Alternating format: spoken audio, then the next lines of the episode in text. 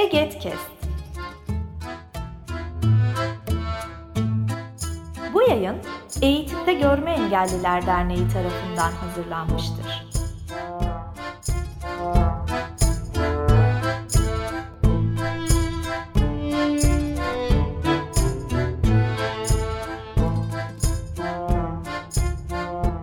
Merhabalar değerli Egetkest dinleyicileri ve aboneleri.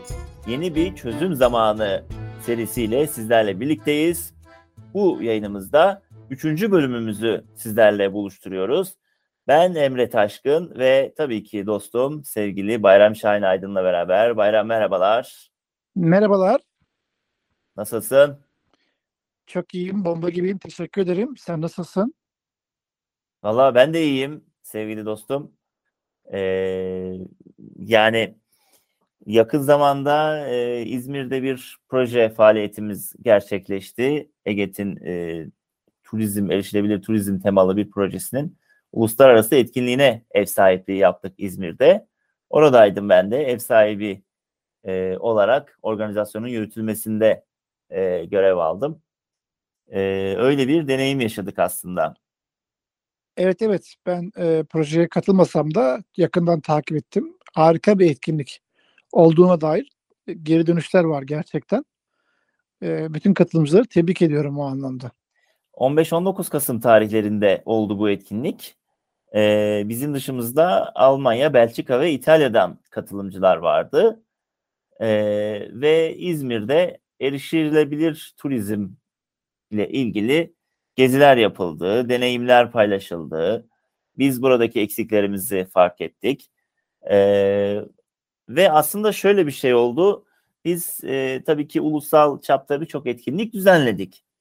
Sen de biliyorsun. Evet, evet bu konuda evet. bu konuda oldukça tecrübeli olduğumuzu da söyleyebilirim artık. Yani bu konuda e, tevazuya da çok Tabii fazla. gönül gerek- rahatlığıyla bunu söyleyebiliriz değil mi? Aynen bunu söyleriz yani. Bu konu deneyimli ekibiz ama uluslararası anlamda farklı ülkelerden gelen ve üstelik hareketliliği de bol olan bir organizasyonu daha önce düzenlemedik. Ee, bu manada bir bizim için de tecrübe oldu açıkçası.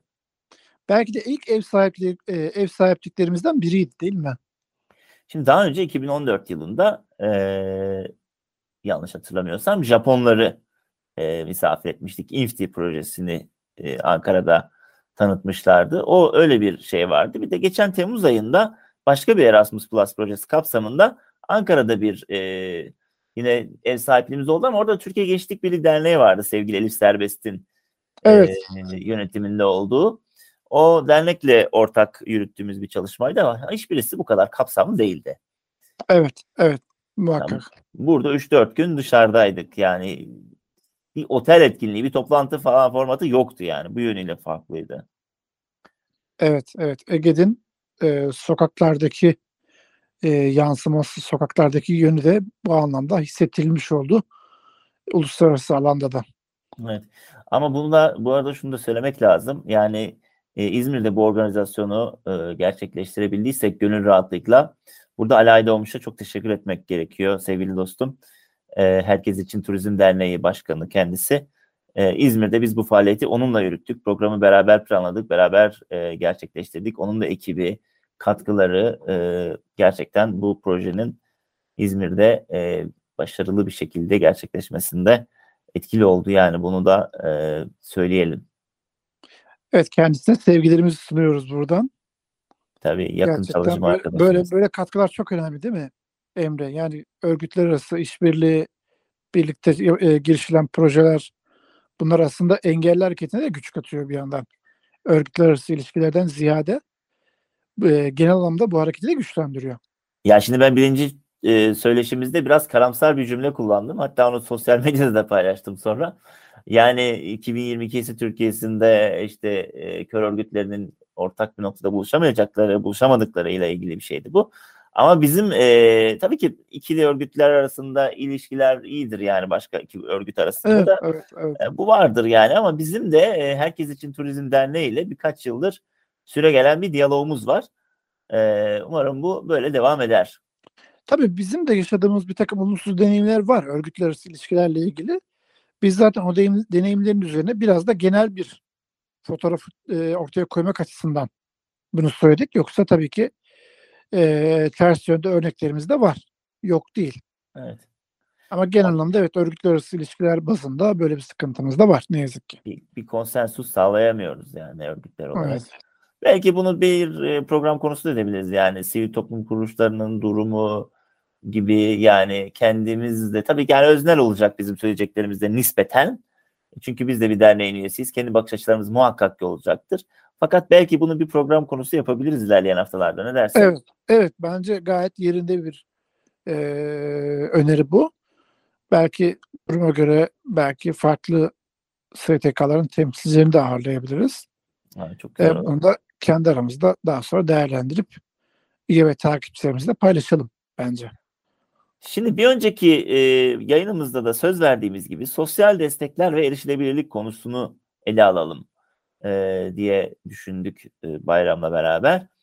Şuradan devam edelim. Geçen hafta biraz giriş yapmıştık aslında ama e, biz hak temelliliği savunan e, örgütler olarak sosyal destekler konusuna biraz mesafeli yaklaştık yıllar boyunca.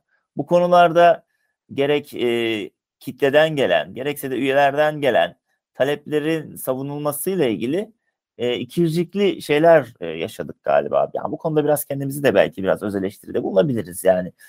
Fakat burada şöyle de bir şey vardı. Ülkemizde sosyal destek ile lütuf birbirine o kadar karıştırılan şeyler ki ya da bu destekleri sağlayan e, karar alıcılar, uygulayıcılar bunu öyle bir lütuf e, olarak sunuyorlar ki bizlerin aslında böyle yaklaşmasına da yol açıyorlar aslında. Ne diyorsun bu konuda? Yani biz bir sosyal desteği savunduğumuz zaman ve o destek uygulandığında onun e, halka sunuluş biçimi bizi çoğu zaman rahatsız etmiştir.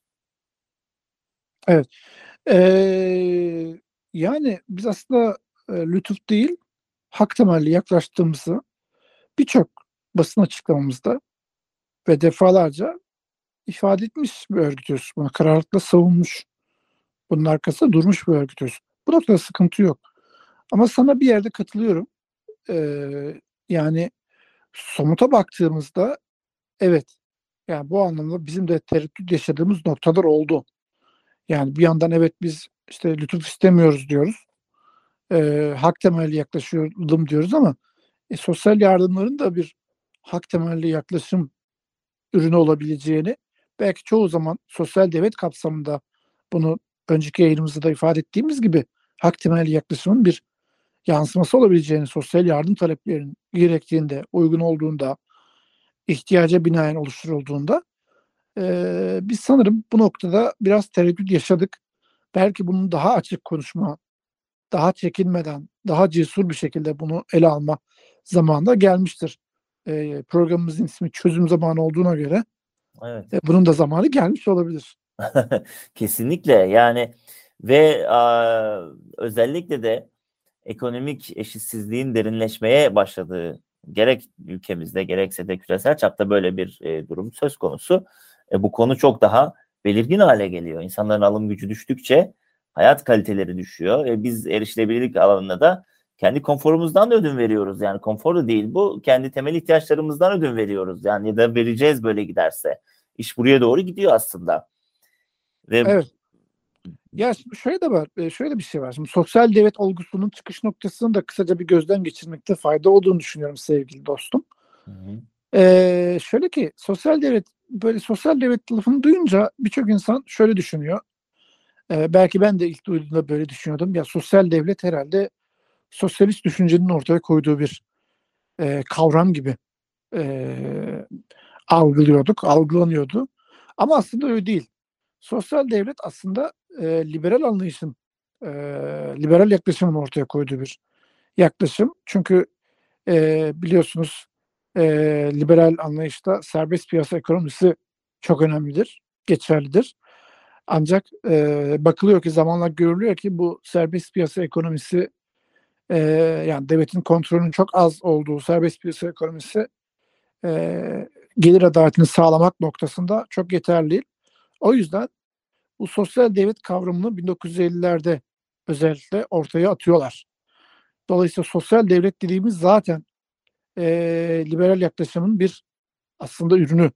Yani o anlamdaki e, gelir adaletsizliğini büyütmemek için veya azaltmak için ortaya konulan bir yaklaşım. Tabii bu da ne kadar başarılı oldu? O çok ayrı bir tartışma konusu ama yani demeye çalıştığım şey şu e, yani bu noktada sosyal devlet yaklaşımıyla sosyal yardımlara e, ihtiyaç olması hani yalnızca sosyalizmin, yalnızca işte belli bir düşüncenin değil, liberalizmin de e, savunduğu bir çerçeve. Evet. E, bu anlamda e, eğer biz fiili anlamda bir eşitlikten bahsedeceksek e, farklı ihtiyaçlara sahip bireylere gerektiğinde e, sosyal yardım almalarında teşvik etmek zorunda olduğumuzu düşünüyorum. Şimdi mesela biz e, bunu kendi işte bir araya geldiğimiz arkadaş gruplarında veya toplantılarda da çok konuşuyoruz. İşte ulaşım araçları, toplu taşıma araçları. Bunlar e, ücretsiz olmalı mı, indirimli mi olmalı? Veya bunlar ücretsiz ya da indirimli olduğunda biz erişilebilirlik taleplerimizi daha mı e, cılız sesle savunabilir duruma geliyoruz? Ya bu konuda farklı görüşler var. E, deniyor ki e, biz e, ücretsiz veya indirimli e, ulaşımı talep edersek, önceliğimiz bu olursa e, erişilebilirlikle ilgili taleplerimizi e, rahatlıkla savunamayız. Çünkü zaten ücretsiz biniyoruz diye bir cevap alırız diye bir e, şey var, söylem var. E, ya da deniliyor ki kişinin ekonomik durumuna göre e, bir indirim uygulanabilir, ücretsiz olabilir veya belli bir kota olabilir e, gibi şeyler var ve özellikle son dönemlerde e, mesela Ankara için söylemem gerekirse birkaç defa e, özel halk otobüsleri greve gittiler. E, greve gitmelerinin sebeplerinden biri de bu indirimli e, şeylerde. E, indirimli yararlanan kişilerin e, ödemeleriyle ilgiliydi. Bu konuda belediye de inisiyatif aldı hatta. İşte hatta Mansur Yavaş bir seferinde şey dediğini hatırlıyorum. Yani biz bazı gerekirse projelerimizi askıya alacağız. E, ve bu kişilerin e, işte indirimli yararlanan kişilerin, ücretsiz yararlanan kişilerin ödemelerine biz de destek olacağız gibi şeyler falan söylemişti. İşler böyle, böyle şeyler de var. Yani burada çok çeşitli şeyler var ama ben şöyle düşünüyorum. Şimdi biz diyoruz ki engellerin e, sokağa çıkması lazım. Sokakta toplumun her alanında görünür olması lazım. E, ve bunun içinde e, bunun içinde değil mi? Yani eğer e, bir takım şeyler kolaylıklar sağlanması gerekiyor. Bunlarla bir tanesi de bence e, bu indirim veya ücretsizlik bu konuda bir destek olabilir diye düşünüyorum. Yani tamamen ücretsiz olsun gibi bir şeyim yok bu arada. Hani olmalı mı olmamalı mı ya bu noktada net bir görüşüm ya yok. Bunu daha da evet netleştirebiliriz, daha da detaylandırabiliriz ama önce şunu da ifade edelim. Ee, daha önce aslında e, kitle olarak tecrübe ettiğimiz bir e, konuydu. E, 2001 krizinde biliyorsunuz 2001, 2001 yılında da çok çok derin bir ekonomik kriz yaşanmıştı ve o zaman e, ilk olarak e, işte bir şekilde kırpılan, kırpılmaya çalışılan e, alanlardan birisi engellilere sağlanan sosyal desteklerdi. İşte ücretsiz evet. ulaşım hakkı olabilir veya bir takım vergi kolaylıkları, vergi avantajları olabilir. Şimdi eğer şimdi bu noktada da biz işte 20 yıl sonra, 21 yıl sonra benzer bir e, ekonomik durumda yine e, aynı şeyleri yaşıyorsak işte bu aslında bir mesajdır. Bu bir derstir bize. Demek ki biz bu ücretsiz taşıma ve benzeri sosyal desteklerin e, hak temelli yaklaşımın bir sonucu olduğunu engelli kamuoyu olarak yeterince iyi savunamadık, yeterince iyi ifade edemedik. Şimdi hak temelli yaklaşım deyince işte, işte biz işte diyorlar ki sosyal destekler yardım temelli. Biz hak temellilikten yanayız. Ya şunu unutmamak lazım. E, hak temellilik yalnızca maddi boyuta indirgenerek ifade edilebilecek bir alan değil. Şimdi mahkemeler de hak temelli karar veriyor. Buna baktığınız zaman. Yani hak temelli e, hak ne demek? Hukuken korunan menfaat demek. Biz hak temelli yaklaşıyoruz dediğimiz zaman e, kimsenin işte yardımını, lütfunu veya başka türlü kendini rahatlatma e, aracı olarak bizi görmesini istemeden, beklemeden bizim gerek mevzuatta e, gerek diğer hukuk metinlerinde e, insanlığın binlerce yıllık birikimleri neticesinde oluşan hukuk sistemindeki haklarımız neyse biz onları temel alıyoruz bir takım taleplerde bulunurken. Bu demektir. Yani mahkemeler de buna göre hak temelli yaklaşıma göre karar veriyor ama ma- mahkemeler de e, biliyorsunuz e, işte maddi tazminat taleplerini de karara bağlıyor ama hep hak temelli yaklaşımla e, bir e, yaklaşım gösteriyor. Dolayısıyla bu hak temellilik bir kere sosyal yardımlara, sosyal destekleri engel değil. Artık bunu net bir şekilde kabul etme ve e, ifade etme vaktidir. Bu bir. İkincisi bu ücretsiz olup olmama noktasında biz işte bir önceki yayınımızda İsveç örneğini paylaştık veya başka örneklerde de var.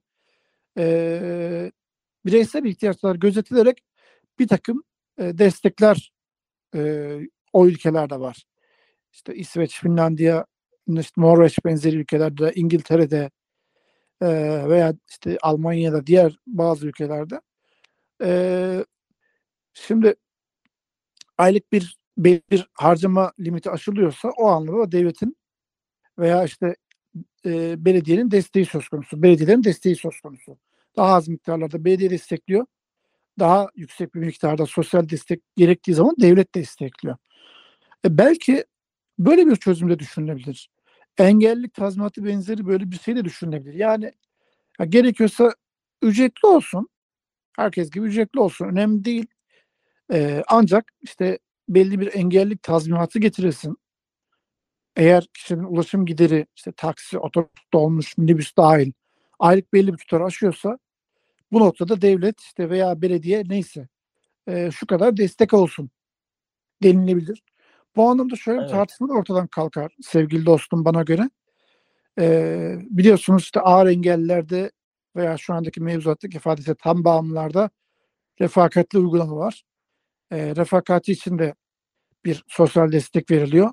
İşte körler ağır engelli mi değil mi? Bir takım e, hekimler körlere ağır engelli raporları verirken bir takım engel e, şeyler doktorlar vermiyor ve onlar refakatli ulaşım hakkından yararlanamamış oluyorlar.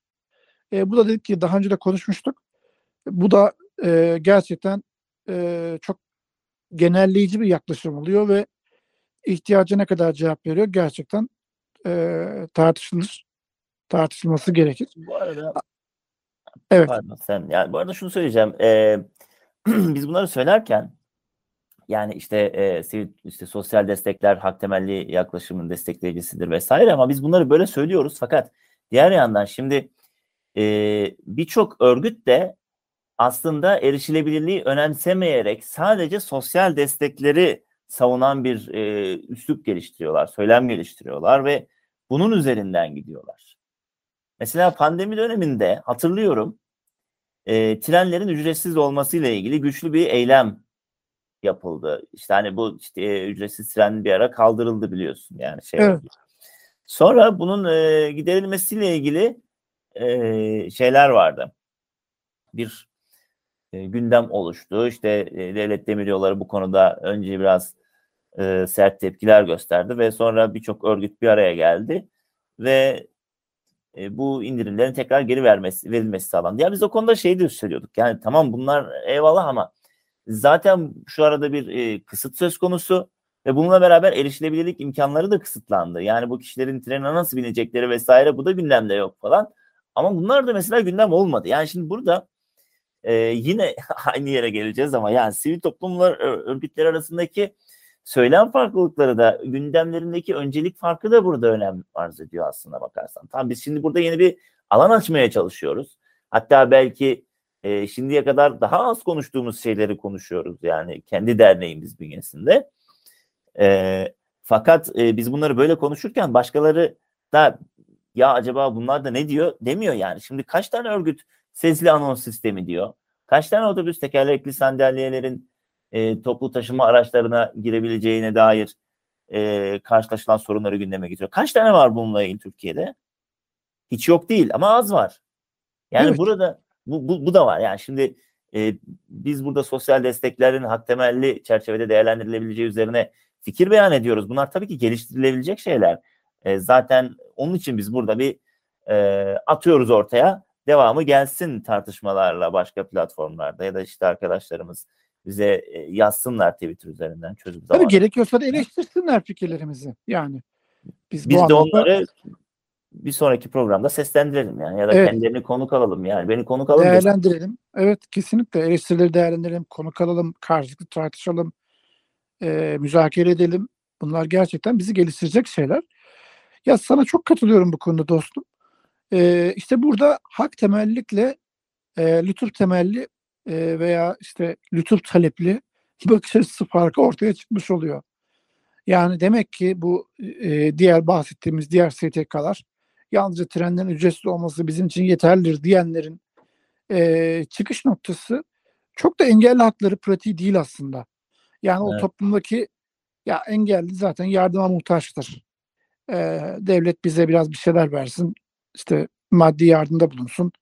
Biz de çenemizi kapatalım. E, bakış açısını sordu galiba. Yani biraz belki e, ağır konuşuyor olabilirim ama e, ne yazık ki şey bu, gerçek bu. Eğer e, daha hak temelli bir yaklaşımla e, hareket etseler, işte sosyal yardımların erişilebilirliğinin alternatifi olmadığını bir kere bilirler ve bunları birlikte savunurlar, birlikte dile getirmek isterler. Ama yani e, bu noktaya hiç değinmeyip yalnızca sosyal, sosyal üzerinde sosyal yardım üzerine duran bizim belki adını sanını bilmediğimiz birçok dernek var. Yani Ya bildiğimiz de var canım. bildiğimiz de var da bildiklerimizin dışında diyorum tabii. e, tabii tabii. Yani bunlar zaten kolay yani. Bunu bunu savunmak daha kolay zaten. Ve sonuç Herkesin almak hoşuna da giden de bu. bu bunun Son- şeyi de çok, alıcısı da çok bunun yani. Bu söylemin. ya kitle herkes- toplamak da çok kolay yani. yani bir şey Teorik tartışmalara indirelim. gerek yok bir kere yani. Hiç hiçbir teorik tartışmaya gerek yok.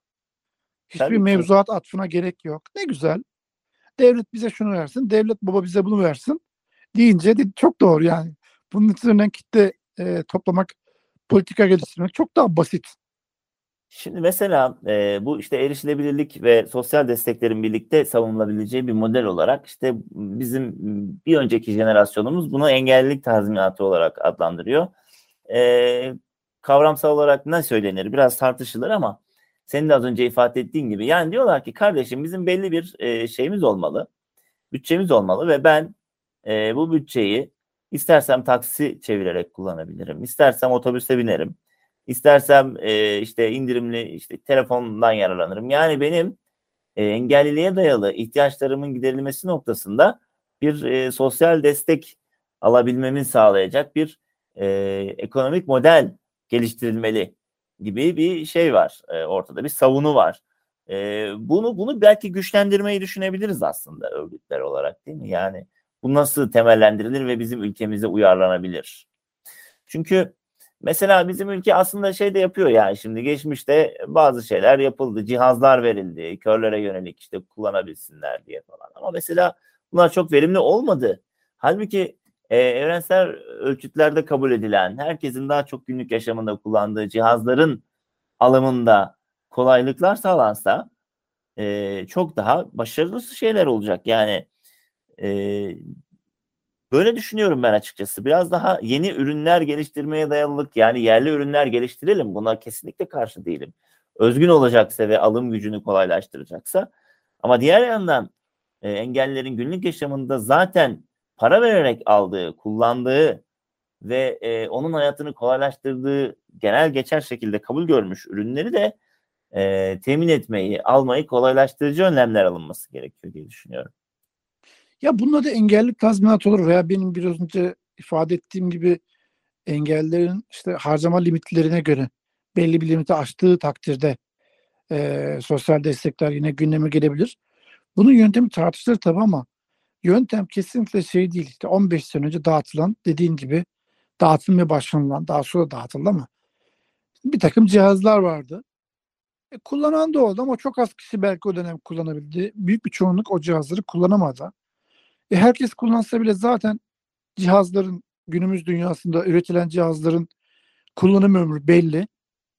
E şimdi 15 sene önce dağıtıp e, sonrasında işte bir daha hiç dağıtmayacağız. 30 sene 50 sene bir daha bir şey dağıtmayacağız demek yerine e, çok güzel ifade ettiğin gibi zaten bu erişebilirliği sağlayan bir takım akıllı cihazlar zaten var piyasada. Bunu hepimiz biliyoruz. Evet. E, bununla ilgili belli bir şey sağlanıp belli bir maddi destek sağlanıp engelli kişiye işte dediğim gibi engelli tazminat olur veya Bu teknolojiye engelli kişi ne kadar yatırım yapıyor ona göre der ki devlet ben sana senelik şu kadar e, limiti aşarsan şu kadar destek veririm der. Biraz önce de bir iki defa ifade ettiğim gibi.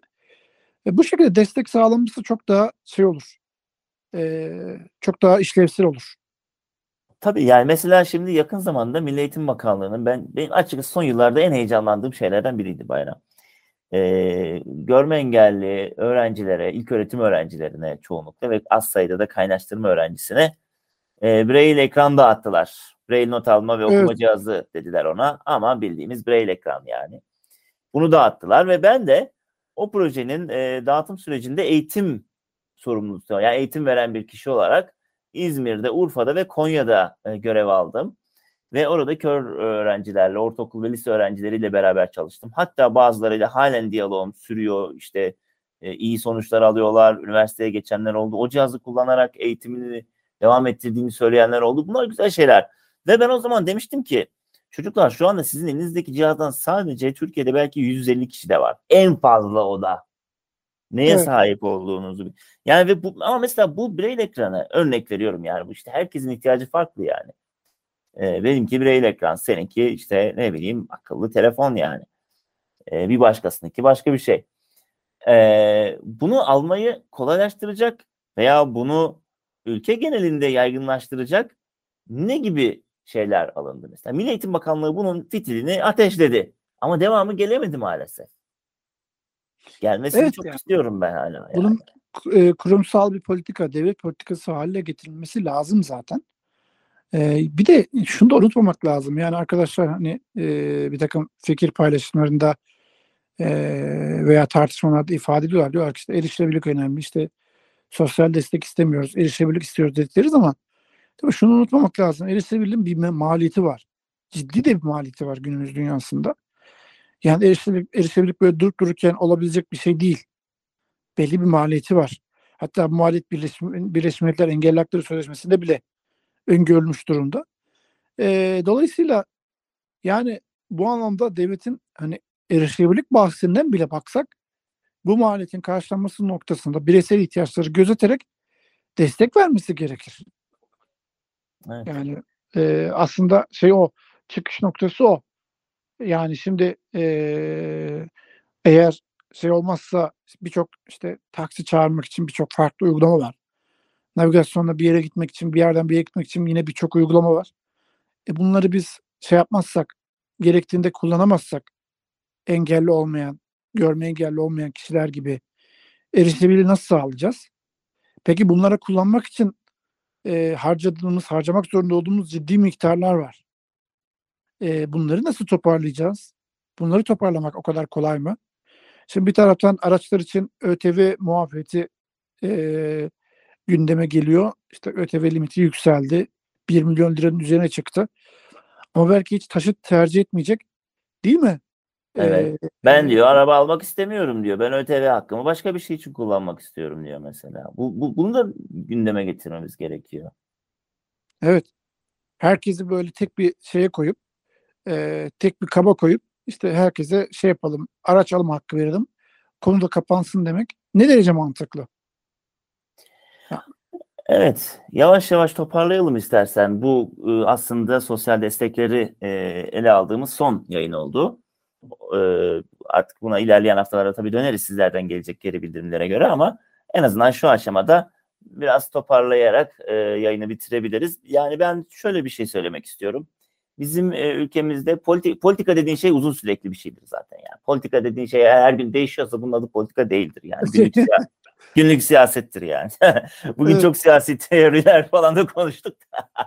evet. yani, e, bu böyledir yani ve bizim ülkede maalesef engelliliğe dayalı bir e, sürekli politikadan bahsedemiyoruz. O yüzden işte 10 yıl önce bir cihaz daha atılıyor. Ondan sonra bir daha devamı gelmiyor. 5 yıl önce bir şey yapılıyor sonra devamı gelmiyor. Bunun sistemli sosyal destekler ve erişilebilirlik arasındaki ilişkinin e, sistemli ve koordineli şekilde ilerlemesini sağlayacak bir düzen oturtulması lazım. Bunun bir devlet politikası haline gelmesi lazım. Ve bunun devlet politikası haline gelebilmesi için de güçlü bir e, STK savunuculuğu lazım. Yani benim söylemeye çalıştığım şey aslında iki yayındır bu. e, biz bu noktada hem yani kör örgütleri olarak ve hem de diğer engellilik alanında çalışan örgütler olarak daha yakın çalışmamız lazım ama yani konjonktürde buna izin vermiyor. Başka şeyler de buna izin vermiyor. Ama en azından e, sosyal desteklere ilişkin ve erişilebilirliğe dair benim e, söyleyebileceklerim çok özetle bunlar. E, benim bakış açıma durum budur. Sen ne Peki, dersin? Peki e, o noktada e, ben sana katılmakla birlikte şunu da sormak istiyorum. Ben de bu konuda sana bir soru sormuş olayım sevgili dostum. Bu söylem birliği nasıl sağlanır? Yani burada ne yapmak lazım? STK'ları bir araya tekrar getirip e, bu konuları tartışabilmek için, onlarla tartışabilmek için nasıl bir adım atmak lazım? Yani bu konuda ne düşünürsün tecrübeli bir sivil toplum örgütü lideri olarak? Ee, bunu istersen yani çok bir iki cümlede söyleyeyim ama istersen belki bir sonraki yayının konusunu bu edebiliriz eğer senin için de uygunsa. Elbette. Ee, bizimki de şey olmaya başladı. Arkası yarın. ben bunu sevdim ya bayram. ya bunun böyle olabilmesi için bir defa e, engelliliğe nasıl yaklaşıldığını e, teorik olarak herkesin e, bilinmesinde fayda olduğunu düşünüyorum. Yani işte biz diyoruz işte erişilebilirlik diyoruz, öbürü sosyal destek diyor, indirim diyor, yardım diyor. Yani ve bir de şey var yani engelliliğin e, toplumda algılanış biçimi var. E, biz de toplumdan azade insanlar değiliz. E, bu bizim bakış açımız e, içerisinde bulunduğumuz örgütlere de yansıyor. Yani bir insanlar yönetiyor bu örgütleri de yani robotlar yönetmiyor yani. Tabii ki. Tabii ki. Bunlar var. E, istersen bunu e, a, bir sonraki toplantının şeyin yayının e, gündemi yapalım. Biz kendi fikirlerimizi söyleyelim. O zamana kadar da arkadaşlarımız belki e, katkı sağlarlar. E, Evet o zaman bunu bir engelliye yaklaşım modellerinde e, birlikte değerlendirip e, bunu da e, şey yapabiliriz, tartışabiliriz. Bu Evet. teorik tartışmaya da belki kısaca girip e, ama asıl olarak e, çözümle STK'ları bir yere getirecek çözümün anahtarı ne diye bunu konuşabiliriz.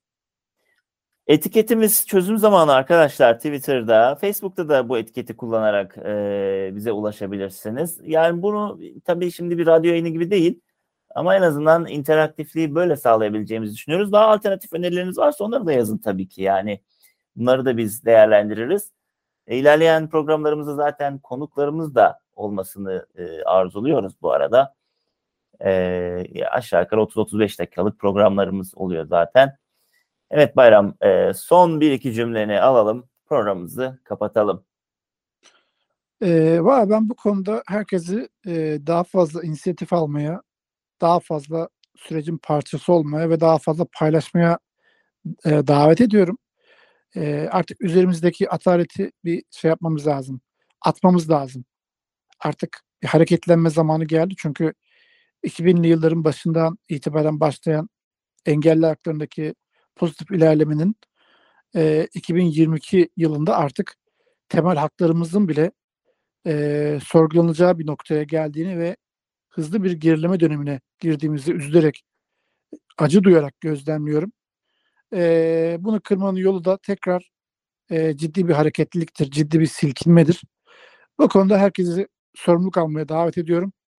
E, yani bizim sadece kendimize karşı değil, çevremize karşı ve klasik bir laf olacak ama tarihe karşı da belki sorumluluğumuz var. Öyle. Ee, bu anlamda herkesi daha fazla sorumluluk almaya davet ediyorum.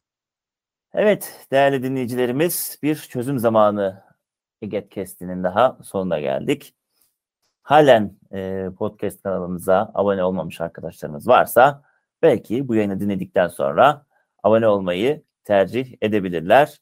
Çözüm zamanı etiketini Twitter'da ve Facebook'ta kullanarak yayınlarımız hakkında geri bildirimlerinizi iletebilirsiniz. Bir sonraki yayında görüşene kadar kendinize iyi bakın. Esen kalın efendim.